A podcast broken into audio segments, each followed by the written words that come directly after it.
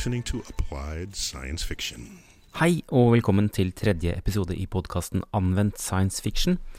Temaet for denne samtalen er Framtidens skole. Episoden ble spilt inn på Kulturhuset i Oslo som en del av Forskningsdagene 2018, hvor hovedtemaet var oppvekst. I panelet på Kulturhuset møter jeg, Andreas Kjensli Knutsen, og min programkollega Kristoffer Robin Haug, kommunikasjonsrådgiver i Forskningsrådet, tre eksperter på skole, utdanning og læring. Disse er June Breivik fra Kulturtanken, Øystein Gilje fra Universitetet i Oslo og Mihaela Tabakaru fra Oslo Edtech Cluster og utdanningsbyrået New School. I Anvendt science fiction spinner vi tanketråder mellom forskning og fiksjon, fantasi og virkelighet. Og vi tar utgangspunkt i fiksjonelle eksempler og konsepter for å snakke om framtiden innen ulike fagområder. Vi startet praten på Kulturhuset rundt to ulike klasseromssettinger.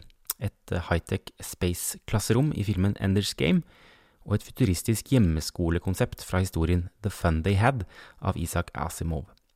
Vi starter podkasten med et klipp fra den nevnte filmen Enders Game. Welcome to battle school. A great responsibility rests upon each of you. When the enemy first invaded, we were not ready. Millions of innocent lives were lost. That must never be allowed to happen again. We threw everything we had at the invaders. And in the midst of that decisive battle, a legendary hero emerged. Let the courage of Mazer be your inspiration. Yes. Da kan jeg forklare litt hva som skjedde her. Eh, Dette er jo basert på boken 'Enders Game' av Orson Scott Card, skrevet i 1977. Eh, Og det er jo som eh, ofte skjer i sci-fi-bøker, så er det romvesener som angriper jorda. Eh, og myndighetene bestemmer seg da for at alle barn må gjennomgå en spesiell utdanning. Eh, dette som ble kalt Battle School i filmen. Eh, hvor man da har veldig avanserte klasserom med mye sånn, eh, som man så på filmen her, iPads og digitale flater og virkemidler. Og de bruker også veldig mye gamification. Man går gjennom simuleringer eh, sammen som klasse. Man blir delt inn i teams som, eh, eh, som konkurrerer med andre teams osv. Så, um, så veldig mye skal vi si, digitalisering og gamification av læringen. Så vi, vi skal ta to eksempler på rappen. Eh, det, begge handler på en måte om et futuristisk type klasserom. Hvordan ser selve klasserommet ut i framtida? Her så vi et sånt eh, ja, erketypisk eh, framtidsscenario. En lærer på en stor skjerm, litt sånn som det blir mer og mer av. Nå skal vi spille av et veldig pussig klipp. Det, her er egentlig Isak Asimovs bok 'The Fun They Had'. Eh, men det er en, eh, en eh, tolkning laget av en, en indisk animatør. Som er egentlig den, det rareste klippet vi fant. Men, men det beskriver veldig godt hva som er hovedmåten å organisere læring på i denne boka fra 1951. The Bare set Settinga her er at det er et eh, søskenpar, og de har funnet en gammel, støvete bok som handler om skolen. This is the old kind of school that they had hundreds and hundreds of years ago. Centuries ago. They had a teacher. But it wasn't a regular teacher. It was a man. How could a man be a teacher? A man isn't smart enough. Well, he just told the boys and girls things and gave them homework and asked them questions. A man isn't smart enough. Sure, he is. I wouldn't want a strange man in my house to teach me. The teacher didn't live in the house. They had a special building and all the kids went there. And all the kids learned the same thing? Sure, if they were the same age. Det her er jo to ganske forskjellige fremtidsvisjoner av, eh, av hvordan fremtidens læring kan være. Det ene er jo at man fortsatt er i klasserom, men de er høy, høydigitale. Det andre er jo en veldig individuelt tilpasset læring, hvor klasserom ikke eksisterer i det hele tatt. Eh, så det har vært veldig spennende å utfordre panelet på hvilken av disse retningene tror dere er den mest sannsynlige vi går i. Starte med June. Altså Hvis vi tenker på eh, barn og unge som læringsroboter, hvor det er om å gjøre at, at de får en hel haug med faktakunnskap inn på internminnet, så trenger vi ikke klasserom. Da kan de sitte, og, og vi ser jo at barn som er homeschooled, ofte gjør det mye bedre enn de som går i vanlig skole. Så sånn, også, og homeschooling er jo en veldig voksende trend, spesielt i USA. Og dermed så, hvis du har den, det synet på utdanning, så er jo den siste modellen veldig realistisk. Ja. Øystein eh, Gilje, hva, hvilke tanker får du når du ser disse to eh, klippene? Jeg tenker jeg kanskje skal ta en litt annen tilnærming. Eh, veldig interessant at dere velger liksom ett eksempel fra 50-tallet og så ett fra 70-tallet. Og så skal Ja. vi se inn i gudene vet hvor langt fram vi skal. 2050, Ja, 2155, 2050. 2267.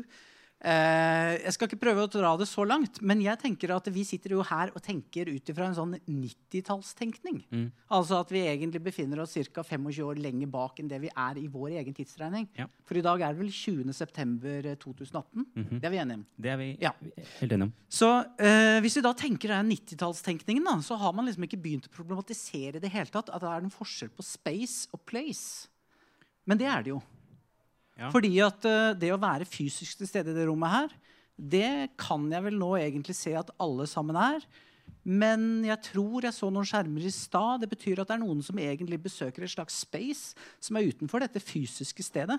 Okay. Og det betyr jo at hvis vi tenker på klasserommet, så har jo dere egentlig tenkt på det som en sånn 90-tallsklasserom, hvor man faktisk bare var innenfor klasserommet eh, som fire vegger.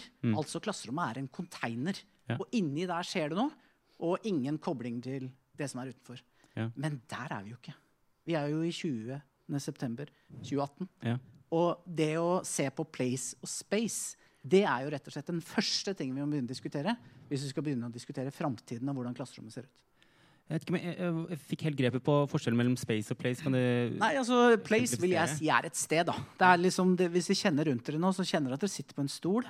Eh, og kanskje ikke sitter så innmari godt. Eh, og vi er inne i dette rommet. Eh, men det er veldig raskt å på en måte mentalt flytte seg ut av dette rommet. Hvis særlig det jeg begynner å si er skikkelig kjedelig. Eh, så sjekker man om noen har lagt noe nytt på Instagram. eller videre. Og da er man jo mentalt i et okay. space ja. som ikke er her i rommet. Ja. Og de tingene der er jo da der hele tiden. Og det klasserommet i 2050, der tror jeg enten at alle elevene hele tiden rømmer ut av det fysiske stedet gjennom skjermene sine. Eller så har lærerne fått det til, og så funker altså det som er på skjermene, sammen med det som er det fysiske rommet. Jeg håper jo det. Siste. Mihaela, hva ser du for deg? Sånn som jeg ser framtiden, så er det veldig mye handler om å navigere kaos. Istedenfor å, å svare på spørsmålet skal det være en skole hvor det er én-til-én-undervisning eller i en klasserom, så må man stille seg spørsmål om hva slags ferdigheter skal vi snakke om. Mm. Må man lære noe som er easily downloadable? Men hvis du trenger ferdigheter til å navigere en situasjon hvor det handler om samspill og eh, vite hvor skal ta lederskap og sånn, da trenger man et litt annerledes kanskje klasserom, eller iallfall sosial samvær. Men ser du da for deg en sånn kombinasjon? da, Ja. på et vis? Absolutt. Og, og absolutt. alle må bli utsatt for kaos. For det må vi trene på. Jeg, jeg syns vi må trene på det. Det er en ferdighet som vi trenger veldig mye framover. Å navigere i en eh, framtid som vi vet ikke hvordan det ser ut. Ja. Jeg er veldig enig med deg i det som du sier. Og jeg tenker Et annet sci-fi-eksempel som jeg syns er veldig godt i forhold til læring, det er jo en annen 80-tallsfilm, da. Og det er jo samme som han eh, Harrison Ford spilte i eh, St- Star Wars. Mhm. Hvor eh, Luke blir sendt til Yoda for å lære å bli en god Jedi Knight. Og, og det som er interessant, det er det at han har disse to robotene, 3CPO og R2D2. Og Yoda sier ikke til han at han skal liksom gå til 3CPO og lære en masse språk, og så skal vi ta en test etterpå og se hvor mange språk du har lært. Eller at R2D2 skal lære han masse koding og tekniske data. Og det betyr ikke at ikke Luke kan sånne ting.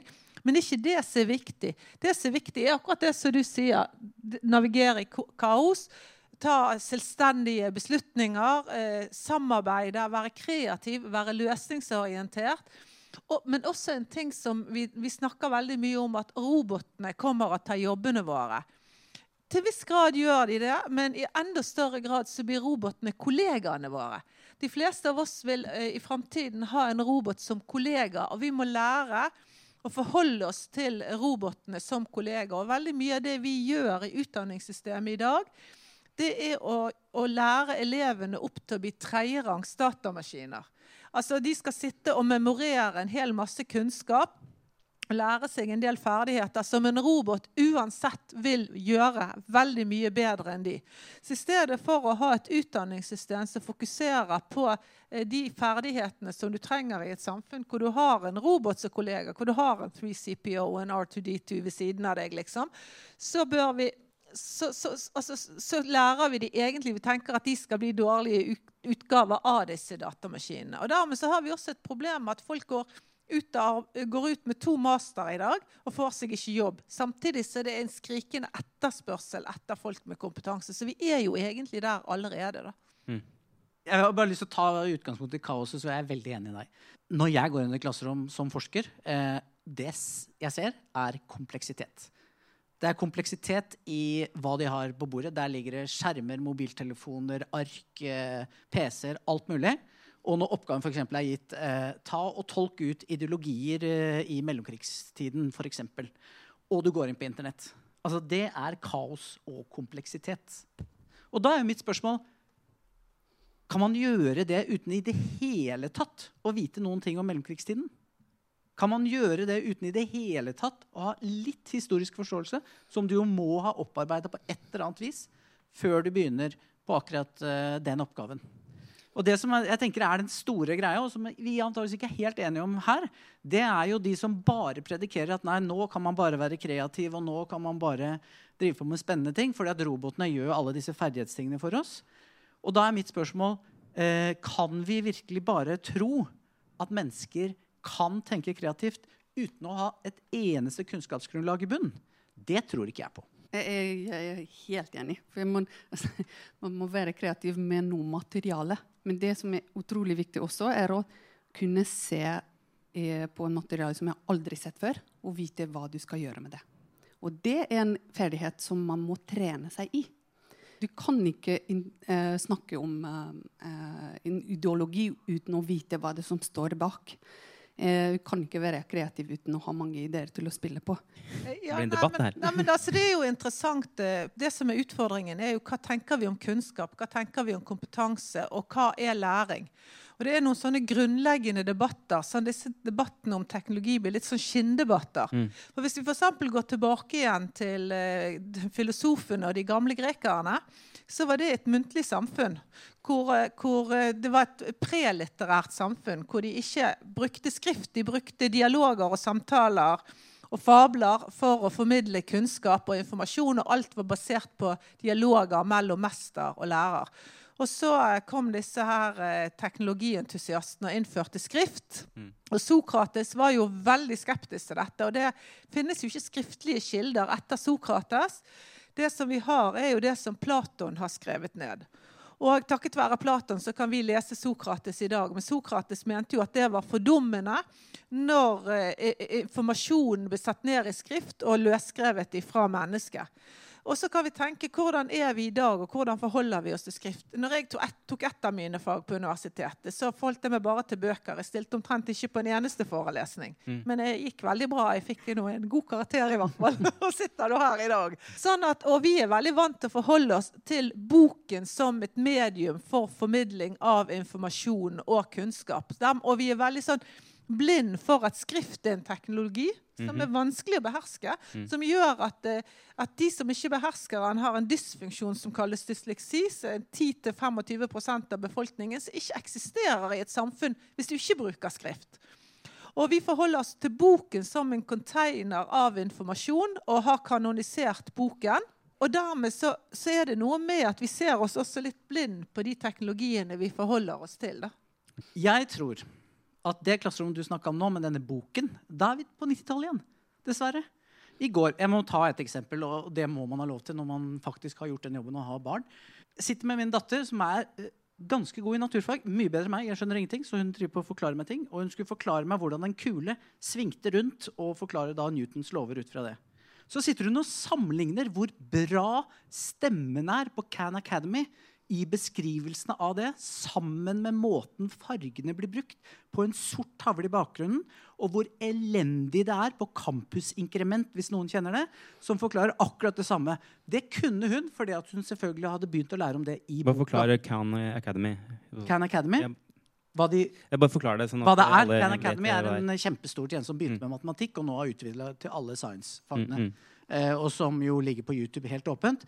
Campus Inkrement er rett og slett et eh, produkt som ligger innafor et forlag, og som du må ha lisens på, som mange skoler har kjøpt. Ja. Men som også den store statlige ordningen for læremidler, som heter NDLA, eh, den har på en måte også Campus Inkrement tilgjengelig for videregående. Så når du, liksom, når du begynner, og det er der liksom jeg tror du har et kjempegodt poeng, når du begynner å kunne noe med ting, så kan du være så utrolig nyansert på hva som faktisk er bra, og hva som tilfører deg enda noe bedre.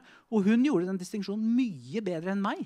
Hadde ingenting med bokens skrift å gjøre, men det hadde altså med vårt nye medium, det vi bruker til alt, fra å lage en kopp espresso veldig bra, til å reparere sykkelen, YouTube.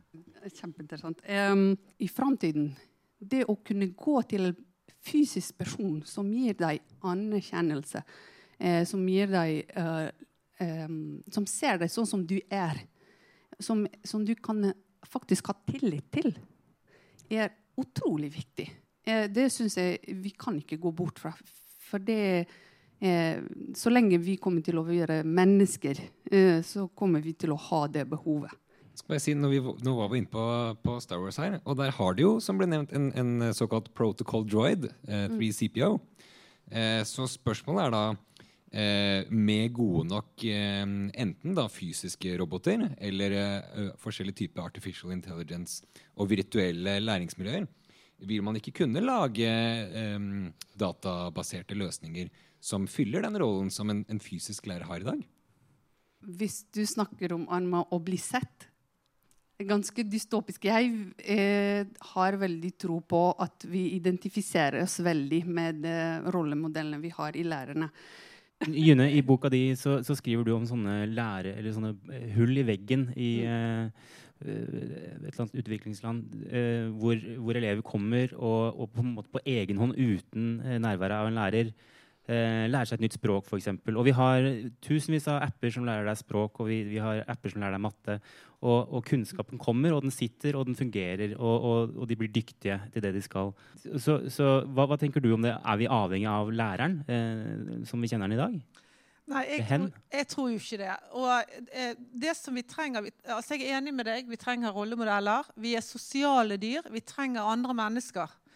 Eh, det vi har gjort med barn i dag, det er det at vi plasserer dem i aldersgettoer.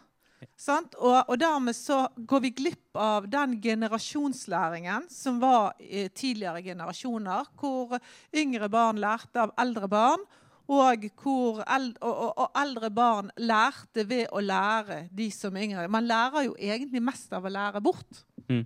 For mange barn så er det mye lettere å forholde seg til et barn som er eldre, enn en voksen person. Det gjør noe med dynamikken. Og det som Sugata Mitra eh, viser i dette Hole in the Wall Experiment Hvor er det fra? Dette er fra India, og de tok også satte opp en datamaskin eh, med internettoppkobling og tastatur ut på gaten, eh, i, over gaten fra der han holdt til. Så tok det jo ikke langt, Og så gikk de. Og så tok det jo ikke lang tid før um, ungene begynte å samle seg rundt dette her. Og da var jo unger i alle aldre der. Og det tok ikke lang tid før de surfet, og de var på internett, og det var jo ikke måte på hva de fikk til, disse ungene. Og det var ingen voksne, og det var ingen lærere som lærte dem. Og så jo, mente de jo at ja, det måtte ha vært noen som hadde lært dem likevel. Så tenker han ok, dette får vi teste. Så tenker han, Hvor er vi lengst vekke fra skoler og voksne og folk med utdannelse? Så, han, så de kjørte dette ut i en landsby i India. Og så satte de dette opp på torget, og så dro de. Og så kom de tilbake igjen noen måneder seinere. Og det var jo ikke måte på hva disse ungene hadde lært seg. Og så begynte de å stille noen spørsmål. Og så kom de til et sånne der spørsmål i forhold til vitenskap, og, og der stoppet det opp. Og da var det, eh, og da sa de så mye kan de lære. Men da viste det seg at disse ungene de hadde havnet på forskningsfronten på Alzheimers forskning. Det hadde disse ungene klart å google seg og lære seg fram til og diskutere seg fram til. Og dermed så er det på en måte, Hvis du slipper barn fri uten begrensninger og gir dem tilgang til informasjon og gir dem tilgang til hverandre, så er det veldig mye vi kan lære. Fordi at ja, du kan inspirere til læring, men du kan også hemme Mm. i en del læringssituasjoner. Og de prøvde jo et sånt eh, eksperiment også hvor de delte ut noen sånne mm, PC-er til barn i Etiopia. Og, og, det, og, så var det et eller annet smart hode som hadde funnet ut at ikke de skulle ha kamera på. Så de hadde koblet ut kameraene, og det tok jo bare tre måneder. Så hadde jo disse etiopiske analfabetene barnet i, ja, tredje klasse eller noe sånt hacket hele greien. Sånn at vi undervurderer læringskapasiteten til barn med de modellene som vi har. Men ja, vi er sosiale individer. Ja, vi trenger rollemodeller. Ja, vi trenger hverandre. Men om vi trenger lærere i den modellen som vi er veldig altså vi, vi ser oss veldig blind på, det er et spørsmål som kan diskuteres. Kanskje framtidas skole bare er en skolegård med masse læringsboots, og så er det bare en, først og fremst friminutt? Og så kan man gå og lære det man har lyst til å lære? Øystein, du ser ikke helt enig ut? Ja, altså Jeg kjenner godt, uh, godt disse filmene, og det er fantastisk. Den TED-talken og, og, Bergen internasjonal filmfestival ja. viser faktisk uh, filmen 'The School in the Cloud' mm. uh, nå i, i, slutten av måneden. Mm. Og jeg tenker at man kan lære mye av det eksempelet. Om man kan overføre sånne eksempler til liksom å si at nå rigger vi et nasjonalt skolesystem etter det, det blir jo en sånn veldig sånn kjedelig forskerbetraktning. Så det skal jeg spare. Okay. Eh, men jeg tror, for å ta det veldig kort eh, og da kan jeg ta en anekdote, Vi har krangla litt om å støvsuge hjemme. Jeg vet ikke om noen kjenner det.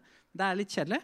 Så i går kveld fikk jeg vite at nå hadde kona mi bestilt sånn robotstøvsuger. Ja, smart, ja, og det er jeg veldig fornøyd med. Så det kan en robot gjøre hjemme hos oss. Det er det nærmeste jeg kommer til er uh, Star Wars. Uh, er det to som går rundt, sant? Men Eh, ferdigheter kan trenes med programmer. Og det har vi flere eksempler på allerede i norsk skole. Og det kommer sikkert haugevis med sånne ting før 2050. Men den forskningen vi har på det til nå, viser at utover den ferdighetstreningen så er det altså mange ting som må fasiliteres av en person som kan mer enn de som er i rommet. Mm.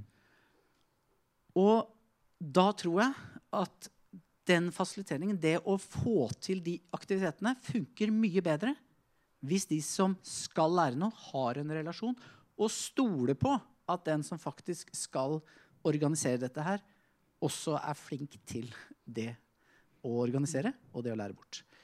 Eh, men altså, jeg, det er jo ikke sånn at en time på 45 minutter er en aktivitet. Jeg håper nå for guds skyld at det i hvert fall på de lavere trinn er fire forskjellige aktiviteter. Eh, og at du sikkert når du kommer lenger opp, er kanskje to eller tre aktiviteter i kanskje løpet av 90 minutter. Mm. Eh, og det har vi masse forskning på. Du kan få akkurat liksom nøyaktig tallet på det. Og poenget er jo da at denne personen i dette rommet som vi snakker om, den har jo masse forskjellige roller i løpet av bare 90 minutter. Mm -hmm. Mens nå driver vi liksom på å boksplassere det. Mm. Si det er jo litt ironisk at Star Wars kommer opp. Eh, for den er jo av veldig sånn hardcore science fiction-entusiaster ikke ansett som en science fiction-film. Den er jo mer en space opera, som det heter, og er jo modellert over typisk gamle, eh, ofte sånne østlige fortellinger om en sånn dannelsesreise.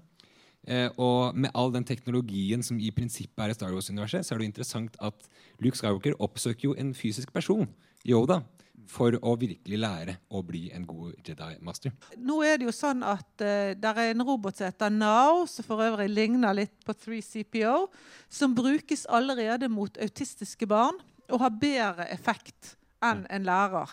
Sånn at en del av disse forestillingene vi har om fremmedgjøring i forhold til roboter og teknologi, den, den, det er en del myter som eh, vil stå for fall, og noen står allerede for fall. Men det som er litt sånn problematisk nå når vi diskuterer utdanning, det er vi diskuterer som om det er enten-eller, og at one size fits all. Og vi vet allerede at det utdanningssystemet som vi har, er veldig eh, funksjonelt for noen og for noen oppgaver. Og så fungerer det veldig dårlig for andre og for andre oppgaver. Og Sånn vil det være med utdanningssystemet fremover. Altså Det er noe med at noen oppgaver, noen oppgaver og noen kompetanser egner seg til å tilegne seg på én måte, og noen egner seg til å tilegne seg på en annen måte. Og litt avhengig av hvor gammel du er. altså Det er forskjell på utdanningssystemet på universitetsnivå og i første klasse eller i tiende klasse. Og det er også forskjell på elevene og hva behov elevene har i forhold til læring, hvor sjølgående de er. Noen trenger mer voksenkontakt og mer veiledning, mens andre eh, syns faktisk at det er hemmende og problematisk. Og, og så er det noe med litt dette her med vi, vi sier veldig ofte at, eh, at eh, utdanningssystemet skal eh, Hva behov har næringslivet? Men det er noe med hva behov har vi som mennesker, hva behov har vi som samfunn? Og vi lever i et samfunn som gjennomgår veldig raske endringer, så det er veldig vanskelig å si også hva, hva som er riktig og viktig å kunne. Da. Så det er noe med at vi må ha flere modeller og flere tanker i hodet samtidig. Ja, hvis, eh, hvis vi skal ha et radikalt alternativ da, til denne eh, klasserom, alle skal gjennom den samme biten og lære å bli gode, produktive mennesker av samfunnet, så har vi et eksempel fra science fiction-litteraturen. The Diamond Age. En bok av Neil Stevenson, eh, han skrev den i 1995 faktisk. handler om et eh, gjennomteknologifisert samfunn. Masse nanoteknologi. Eh, hvor det er en liten jente i slummen i Kina som kommer over en bok da i gåseøyne, som er et stykke nanoteknologi. Og den tilpasser da læringen til henne så mye at den spinner en slags fortelling sammen med denne jenta, hvor hun er prinsesse i et kongedømme og skal ut på eventyr. Og gjennom det her så lærer hun ekstremt mye, like mye som det da den rike eliten i dette samfunnet gjør. Eh, og Boken handler da om, om eh, hvordan hun da endrer radikalt sin rolle i samfunnet. hvordan det endrer samfunnet og, og alt det der. Men hele poenget der er jo nettopp en eh, utrolig individtilpasset læring. Eh, og hvor i denne boka da, hvor positivt det er for, for henne. Eh, er det det som da er det store idealet? Hvis det eh, Enders Game, nå skal alle barna bli krigsmaskiner, kanskje er en dystopi? Er dette da den utopien man bør sikte på? Altså, jeg er litt skeptisk til denne veldig sånn personifiserte tilnærmingen. Til viss grad så, så, så er det bra, men samtidig så er vi, vi er sosiale individer i et sosialt fellesskap. Og, og den dimensjonen er veldig viktig å huske å ta vare på. Det, altså, hvis du tar altfor individualisert og for personalisert, så, så mister du en sosial dimensjon som også er veldig viktig med det å vokse opp og bli et menneske da, i et fellesskap og i et veldig komplekst samfunn. Vi snakker veldig mye om fellesverdier. Så sier vi at i norske skoler så må de ha en kanon, og de må lære det. Men vi glemmer jo at vi lever i et globalt samfunn. Og de som bor i Kina, eller de som bor i Etiopia eller de som bor i Brasil, har jo ikke den samme kanonen som oss. Men det er noe med det å forholde seg til f.eks. Eh, altså, den samme historien. De lærer ikke om andre verdenskrig på samme måte i Kina som vi gjør. Men man lærer noe om historie, man lærer noe om mennesker, man lærer noe om krig, man lærer noe om litteratur. Altså, der er noe allikevel som gjør at man kan kommunisere med folk på tvers av kulturelle bakgrunner. Jeg syns det var godt det der med at hun fant altså, denne nanoteknologiaktige boka. Jeg ble nysgjerrig på det. Fint at dere har et eksempel fra 90-tallet. Eh, men, på det, men, men saken er der at det eksempelet der illustrerer jo altså at ved hjelp av teknologi så kan du på en måte løfte deg opp gjennom samfunnet. Og da tenkte jeg liksom ok, men hva vet vi egentlig om hvem som tar teknologien i bruk på hvilke måter? Så la oss nå bare sprenge dette klasserommet, da. Og så Mm, vi Ikke noe vegger. ikke noe vegger, ikke noe struktur. Bare masse nysgjerrighet, interesse og kreativitet hos uh, disse barna. Og så lar vi de bare få disse teknologiene og finne disse tingene i slummen. Og da får vi et helt fantastisk samfunn. sant? Fordi at de som virkelig har ressurser, og har med seg både sosial og økonomisk kapital hjemmefra, de vil jo virkelig kunne ta disse tingene i bruk. Og vi får et fantastisk delt samfunn. sant? Hvor noen kan styre de andre. Fordi at det fins en masse folk som ikke vet hvordan de skal lære. Ikke har noe grunnleggende ferdigheter. Men de finner også noe rusk og rask av teknologi. Men de aner rett og slett ikke hvordan de skal ta det i bruk. Så jeg tenker jo at uh, la oss sprenge klasserommet, og så lager vi altså det ordentlig klassedelte samfunnet teknologidrevet. 2050. det Er det flere filmer om? Ja. Lys- Lystig. Eh, ja, det, mm, det å sprenge klasserommet det, det er vel litt interessant, for jeg har lyst til å gå tilbake 100 år tilbake. Okay. Man ser et, et modell som fungerer veldig bra i skoler akkurat nå, som er funnet opp eh, for 100 år siden, og det er Montessori-modellen. Og da er du ikke da er, um, aldersblanding. Eh, og så har du lærerne som er fasilitator, og ikke eh, den som formidler eh, alt. Okay. Eh, som sitter og obs observerer. Så er det som en workshop. Det er litt det. Ja. Når barnet er på workshop hele tiden fra Hørtes slitsomt ut. dagen. Det er- høres kanskje slitne Eh, Men det er det ikke. Eh, og så er det, det er sånn Hvordan kan du komme fram til det? Mm. Og det altså, Hele poenget er at lærerne observerer hva elevene trenger der og da. Mhm. Og da snakker du både uh, individualized learning Det er tilpasset, Ja. men tilpasset også til situasjon. Så det, det, det er et spørsmål som lærere, i, etter min mening, som skal hele tiden stille seg Trenger jeg å si noe nå? Hvor lite må jeg si til at eleven finner ut av den selv? Bare sånn forsiktig pusher eleven i riktig Ja. retning? Ja. Ok. Og så, det, ja. så da blir hele viktigste oppgaven for læreren er å se Yes. eleven Ja. hvor de er i sitt læringsløp i forhold til læringsmål Ja, og sånt. og da er det en, også en sosial situasjon. Ja, hvordan- Hvor de er elevene i klasserom. Så ikke bare én til én. Altså det, jeg Mm. gir bare deg. Men jeg ser hvordan du er sammen med de andre og også. sosialt. Ok. Ja. Mm. Jeg var på noen år siden så var jeg og besøkte en eh, skole i eh, teknologiens mekka. San Francisco. Og de, jo, eh, de, de, som er imot teknologi, liker jo å si at uh, foreldre der ikke sender ungene på Steinerskole og ikke får lov til å bruke teknologi. Det er ikke helt riktig. Men det som var interessant, var at jeg var på en skole, og der var det aldersblanding. Ingen pensum, ingen klasser.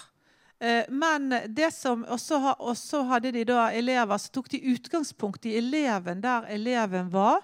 Sånn som for eksempel, Det var én elev som var veldig opptatt av Han spilte fiolin og syntes dette var spennende. Så tok de utgangspunkt i elevens interesse for fiolin. Og så brukte de det som et utgangspunkt for at han skulle skrive om dette her fiolin og det stykket. Han skulle bruke det for å lære matematikk. Og så når de hadde skrevet en tekst, så skulle de lese det for en medelev. Og dermed så ble læringen sosial, og du ble en del av et fellesskap, men du ble ikke en del av et standardisert system. Og dermed så fikk du jo inn veldig mye av den kunnskapen og basiskunnskapen og historikk. Du kan lære mye av historie gjennom et, eh, et, et, et musikkstykke. Hva historisk tekst er det kommet? Hvordan er det bygget opp? Altså, det er så mange ting du kan lære med å ta utgangspunkt i de- interessene og der eleven er. Og, og de var også opptatt av hva som var styrkene og svakhetene til eh, eller, de de enkelte eleven, sånn at de kunne bygge på det som var styrker. Og, og det som vi ofte gjør, er at vi, leit, vi driver feilsøking på ungene. Men det var de lite opptatt av. De var mer opptatt av å bygge styrkene. Og så samtidig at elevene også måtte løfte hverandre og dele kunnskapen sin med hverandre. Og da blir det jo på en måte individuelt tilpasset. Ikke sånn som i den boken at du har en datamaskin som bare driver respons til deg, men du må faktisk være i et lærings, sosialt læringsfellesskap. da. Jeg ville gjerne sendt ungen min dit, jeg. Eh, og det er kanskje en eh, god mulighet i 2050. Jeg tror eh, vi får stadig mer penger. Og hva bruker vi det på? Jo, vi vil gjerne bruke det slik at de som kommer etter oss, får best mulige sjanser. Eh, så det offentlige skolesystemet vi har her i dag, som jo ikke er Montessori, og heller ikke den skolen du snakker om, eh, det kan hende er eh, en saga blått i 2050. Og at de som virkelig har penger, de Mm. kan sende ungene til, til sånne skoler. Vi skal spille flere eksempler. Eh, bare helt sånn avslutningsvis på den bolken her. Eh, bedre liksom, raskt ta oss med inn i framtida. Lukk øya gjerne, og se for dere at dere kommer til en, en, en, en skole. Eh, F.eks. Eh, tiende trinn. Eh, kommer inn på skolen og, og går inn i et klasserom. Hvordan ser det ut? Eh, vi starter med deg, Øystein. En kort eh, skildring av eh, framtidens skole. Sånn. Hvordan ser den ut? Nå er vi i 2050. Nå er vi 2050, helt riktig. Eh, det er lov å bruke mobiltelefon. Det er lov. Og den mobiltelefonen funker veldig godt med en eller annen papirbok med stive permer eller myke permer. Eh, det står ikke så mye i den boka, og det er ikke så innmari mye skrift i den. Eh, men det er oversikter og plansjer som man kan drive på lenge. Og alle de tingene som står i boka, fins det også en egne versjoner av som læreren en gang iblant bruker på sine flipped classroom-ting. Da ble jeg veldig konkret, så nå skal Ja. jeg dra det litt lenger. Og så, dette er det viktigste, det ringer ikke hvert 90. minutt. Det er veldig åpent, og det er veldig få temaer. Og de temaene er drevet mye av at elevene faktisk ønsker å gjøre ting. Eh, Ut ifra det som er deres interesser i livet. Mhm. Så som sted så er det ganske lett å se for seg. Men når du begynner å sitte der en hel dag og ta notater på hva som egentlig skjer her, så er strukturen og det de har for å hjelpe seg i læringssituasjonene, veldig annerledes. Men er det klasserom? Eh, ja, jeg håper det. Eh, Hvordan, hvor, hvor tett med teknologi er det i de klasserommene? Er det, hvordan ser det ut? Eh, Er det, Nei, det er- kateter og, og, og pulter? Eh, elever som sitter på rekke og rad? Nei, det ser vel ut sånn som det gjør i kantina til Google. Ja. Kantina til Google. Ok. Ja, men Fint. Da har vi noen bilder. June, klarer du å, å tegne et bilde av eh, skolen i 2050? Hva ser du? Um, Hvordan ser den ut? ja, um, Det er et bygg. Det er rom. Ja, altså Skolen i 2050 eh, ser definitivt ikke ut sånn som skolen i 2020. Fordi at der er ikke klasserom. Og det er et uh, areale, et bygg med, med eh, veldig variert innredning. Der er rom for å være stille. Der er rom for å, ta seg ut eh, fysisk aktivitet. Der er ro, rom for eh, gruppearbeid. Der er rom for større formidling, som vi kan godt kalle det for en forelesning, men at hvor flere kan høre noe formidlet samtidig ifra en person kan være uh, altså Det kan jo være kjekt å se en forestilling eller høre noen snakke. Eh, Der er, der er rom for eh, litt mer eksperimentering, utforsking. Der er rom for å sånn, sitte over en kaffekopp, gode spisearealer. Der er egentlig veldig fleksible arealer som man kan drive veldig mange ulike aktiviteter på.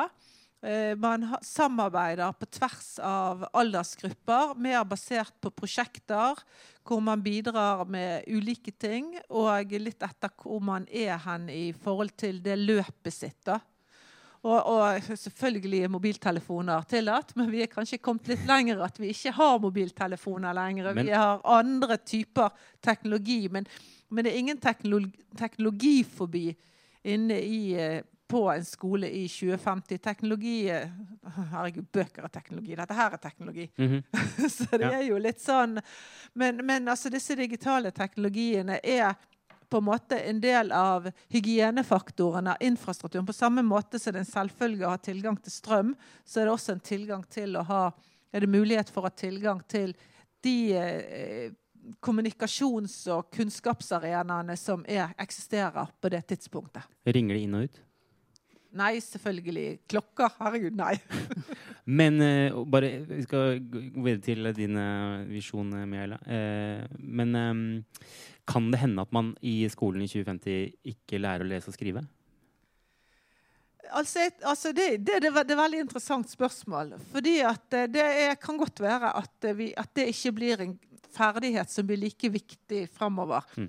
Og når vi ser eh, hvordan eh, teknologien utvikler seg, så vil jo faktisk talesyntese og emojis og sånne ting det tar jo stadig mer over. Så det er ikke sikkert at man trenger å lese Mm. sånn som vi eh, gjør i dag, i 2050. Så det høres ut som sånn soneinndelt eh, ja, uh, arena eh, for læring. Mm. Eh, hva ser du for deg? Jeg Tenk deg at du går inn på eh, en skole i år 2050, og det, hva ser du? Min visjonsskole visjon. Ser veldig, veldig lik ut som din. Eh, det, Som som sin. som June sin. Det Mm. er veldig det, Kanskje litt, litt ekstra er at det er en skole i samfunnet og for samfunnet. Det er ikke bare lærerne og elevene som bestemmer hva som blir tatt opp i prosjekter, Mm. men også at det lokale samfunnet, eller det globale, det kan være, eh, eh, bestemmer litt eh, hva er temaet tema vi skal ta opp. Hva er det vi trenger eh, hjelp til? Hva er det vi trenger å løse? For når du jobber med prosjekter, så er det veldig fint å, å se at de, det skjer. Mm. Eh, Men også at de, elevene eller studentene for den saks skyld, de tar initiativ til å, å gå ut i samfunnet og se se hva er det vi ser her. Det er behov for, som ingen har sagt. Men at, at det er en skole også hvor man trener det man kaller på engelsk 'sensing'. Altså det du ikke blir fortalt om. Mm. Men du allikevel ser det er Er det intuisjon? Det er litt Mm. intuisjon. Ja, det er litt der. Og det kan man ikke ha bare ved å sitte i et bygg Mm. eh, mellom vegger. Så skolen må er gå overalt. ut. Okay. Sånn du må gå ut, og så Mm. komme inn, og så gå ut igjen. Mm. Ja. Så man, elevene blir kanskje litt sånn uh, mer påkobla den virkelige verden, og kanskje også til og med litt nyttigere? Ja, Ja. Jeg, jeg, jeg tror um, elevene er nyttige, men, men det er kanskje litt utvidet. Ja. Uh, og så har de at også uh, drømmen deres er, er sammenkjørt med det samfunnet Skjønner. de bor i. To korte replikker fra eh, Ja. Øystein og Og eh, jeg støtter jo helt selvfølgelig at man skal gå ut av den skolen. Og Ja. det som er så fint, sant? det er at du trekker opp Montessori-skolen i stad, og så sitter du nå og beskriver altså den pedagogiske modellen i skolen i 2050 med amerikansk pragmatisme og John Dewey, som altså er født i 1859 og døde i 1952. Og det støtter jeg helt. en teoretiker. Eh, og jeg håper at vi er på vei der. Eh, nå blir jeg kjedelig igjen. Med fagfornyelsen, for det at den kommer sikkert til å vare i 15 år. eh, apropos når du sa dette med, med I verden, så slo det meg en ting som Og det er det selvfølgelig er det hologrammer i denne skolen i 2050, hvor det er elever fra andre deler av verden som de samhandler med og kommuniserer med og lærer med og, eh, og, og har prosjekter sammen med. Ikke bare de som er fysisk til stede på bygget, men også folk som befinner seg andre steder i verden. Ja, vi kan jo, altså Frem til nå så har vi jo hele samtalen hvilt på en uh, antakelse om at dette med kunnskap og ferdigheter er jo ting som vi må gå rundt i hodet vårt med hele tiden. Eh, men som vi skal se et eksempel på nå, så er det jo eh, science fiction-litteraturen går selvfølgelig mye lenger enn en så banal, eh, banal hverdag. Så vi kan jo spille av neste klipp, Andreas. Matrix. Can you fly that thing? Not yet. Operator. Tank, I need a pilot program for a B 212 helicopter. Hurry.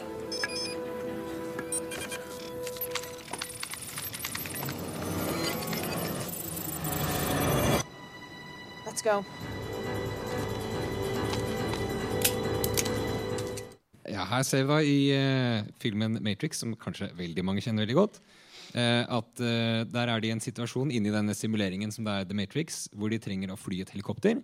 Ingen av dem kan noe som helst med å fly et helikopter fra før av, men hun da gjennom en direkte kobling til nervesystemet og hjernen laster da ned alle kunnskaper og ferdigheter som trengs for å fly et helikopter, og vips voilà, så kan hun fly et helikopter. Og for de som syns dette her blir veldig veldig sånn virkelighetsfjern science fiction, så har jo nettopp Elon Musk erklært at gjennom eh, selskapet Neuralink så skal han da lage en, en maskin, eh, et maskinlag som man kan legge utenpå hjernen, som gjør at da hjernen kan direkte få tilgang til alt mulig av kunnskap som du kan med, få over internett per i dag. Eh, så spørsmålet er da ja, Hvis kunnskap og ferdigheter er noe man ikke trenger å ha inni hjernen sin, det er jo bare noe du henter inn ved behov. Hvordan i all verden skal, eh, skal utdanningssystemet vårt håndtere det? På en måte så kommer vi litt tilbake igjen. Altså vi, det, det er en litt sånn sirkel, og vi havner jo litt tilbake igjen i Star Wars. da. Mm. og det er dette her med at uh, disse her uh, Neo og hun her uh, venninnen hennes, de Altså, hvordan klarer de å slå sant? Altså, kan hete Mr. eh, Anderson. sant? Jo, det er samarbeid, det er kreativitet. De, de, de, de har teknologien rundt seg, de bruker teknologien. De laster kanskje ned tekniske ferdigheter som de har bruk for etter hvert. Men til syvende og sist så handler det om hvordan de eh, A. eh, samhandler med en tilgjengelig teknologi. B. Samhandler med hverandre. Og det er jo de ferdighetene som maskinen ikke lykkes med. da. Så til syvende og sist så handler det jo om på en måte hva, hva, hva kan vi outsource til teknologien, og hva beholder vi igjen som mennesker. Da? Og det er en ganske interessant diskusjon og problemstilling. da. Men vi, altså det der er jo det som hjerneforskerne holder på. Kanskje man drømmer om at man kan bare liksom trykke på en knapp, og så spart denne kjedelige jobben med å lære seg eh, Ja. tung kunnskap. For eksempel, jeg kunne lært litt flere språk. for eksempel. Jeg skal, tror jeg, bare snu det eksempelet. Fordi at Det vi snakker om her, sant, det er hvordan noe ligger lagret i en maskin, og så kobles det til hjernen, og så går det inn. Mm. Eh, og det nærmeste vi kommer det i dag, er jo å, å sitte og mikrodosere oss med litt rann, eh, skal ikke snakke om hva det er, for det kan jeg ikke nok Narkotika? om. Men vi kan jo alltid speede opp hjernen. Eh, og det, folk gjør det under eksamen. Så, sånn sett så er jo det faktisk eh, noe folk gjør allerede i dag, uten at de setter kabelen rett inn. Men altså, man tar, eh, går rett og slett litt på speed under eksamen. Eh, det som er, er at vi kan snu det andre veien. Og så kan vi si at vi har alle menneskene som faktisk tenker. Og hva kan maskinene suge ut? Og da tenker dere på en annen scene i Matrix. Nemlig The Blue Pill Mm. og The Red Pill og Down the Rabbit Hole. For da ser han hvem han er. Han er et batteri i en kjempebatteribank som produserer energi til softwaren, som jo er Matrix. Og det er faktisk en dystopi med tanke på fremtidens utdanning. For vi kan godt tenke oss at vi er i ferd med å komme inn i et utdanningssamfunn hvor vi henter ut læringsmønstre og atferdsmønstre hos hver enkelt, kobler det opp i big data, og sånn sett skaffer altså kunnskap om hvordan den menneskelige tenkning er, basert på millioner av individer, som igjen da kan konstruere algoritmer, og som tilpasser da nye læringsløsninger helt perfekt, men innenfor altså et kommersielt system. Det betyr at vi faktisk er blitt batteriene for den matrixen som man setter opp, og som er fremtidens samfunn.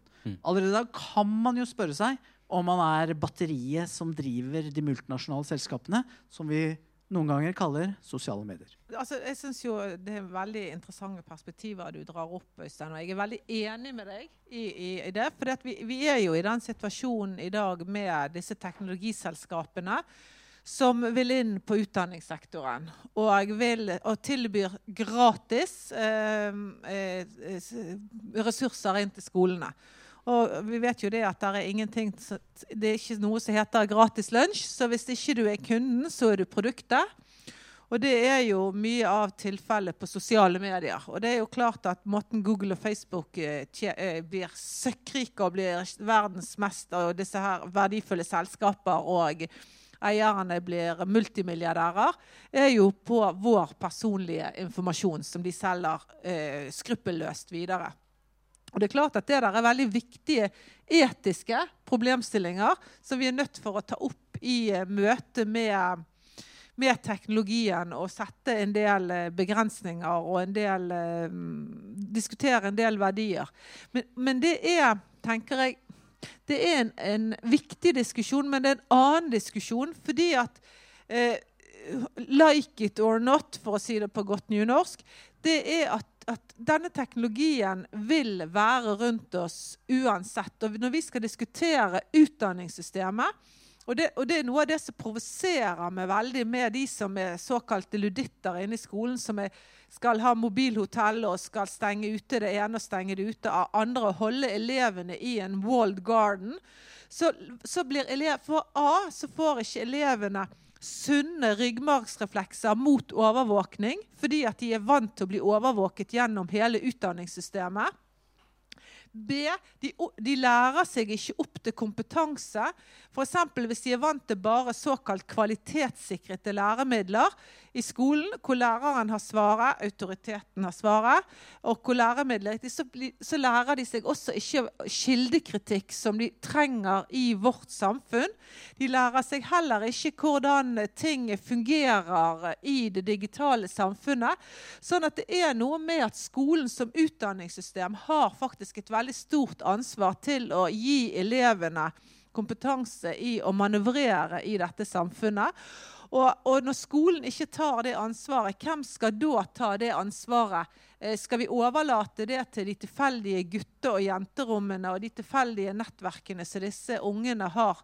Så, så, så denne der problemstillingen som du tar opp, syns jeg er en veldig viktig problemstilling som i altfor liten grad blir debattert. Og jeg må kort kommentere med at jeg tenker at det er to litt forskjellige problemstillinger. Det med mobil og mobilhotell det er en egen diskusjon, og det vet jeg ikke om jeg skal gå inn i nå, men det dreier seg rett og slett om at når man er sammen som klasse, så bør man kanskje løfte blikket en gang iblant og ikke ser skjermen. Primært dreier det seg om det. I klasserommene i dag så er det i økende grad én skjerm per elev. Eh, det har vært i videregående skole i tolv år. Eh, så jeg er litt usikker på hvor den ludittskolen din egentlig er hen, om du er i 1992 igjen. Eh, disse skjermene åpnes i en liten del av timen, og så lukkes de i den andre delen av timen dersom læreren har styr på hvordan du faktisk skal drive undervisning i et klasserom hvor det ligger skjermer. Eh, og det betyr jo at man må se på hvilken funksjon en skjerm og det å gå inn på nett og det å nettopp prøve å finne ut noe sjøl har i en spesifikk aktivitetsform med et spesifikt mål.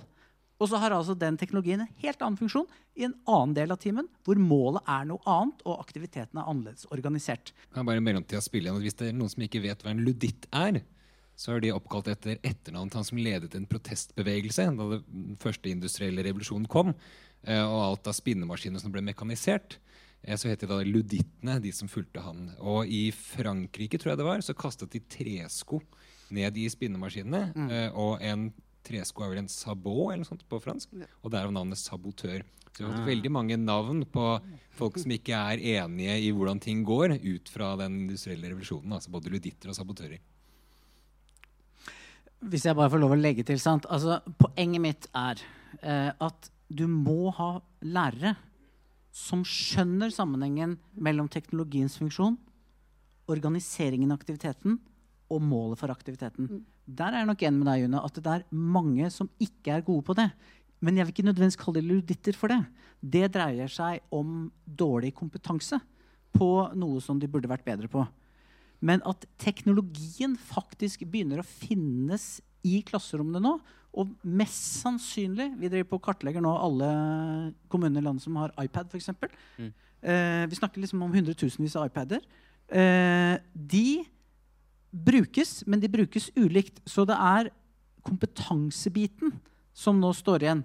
Og ikke nødvendigvis at noen sitter og hakker på maskinen og ikke vil ha de her, eller at de vil ha de inne i klasserommet. Det, der var vi for 15 år siden.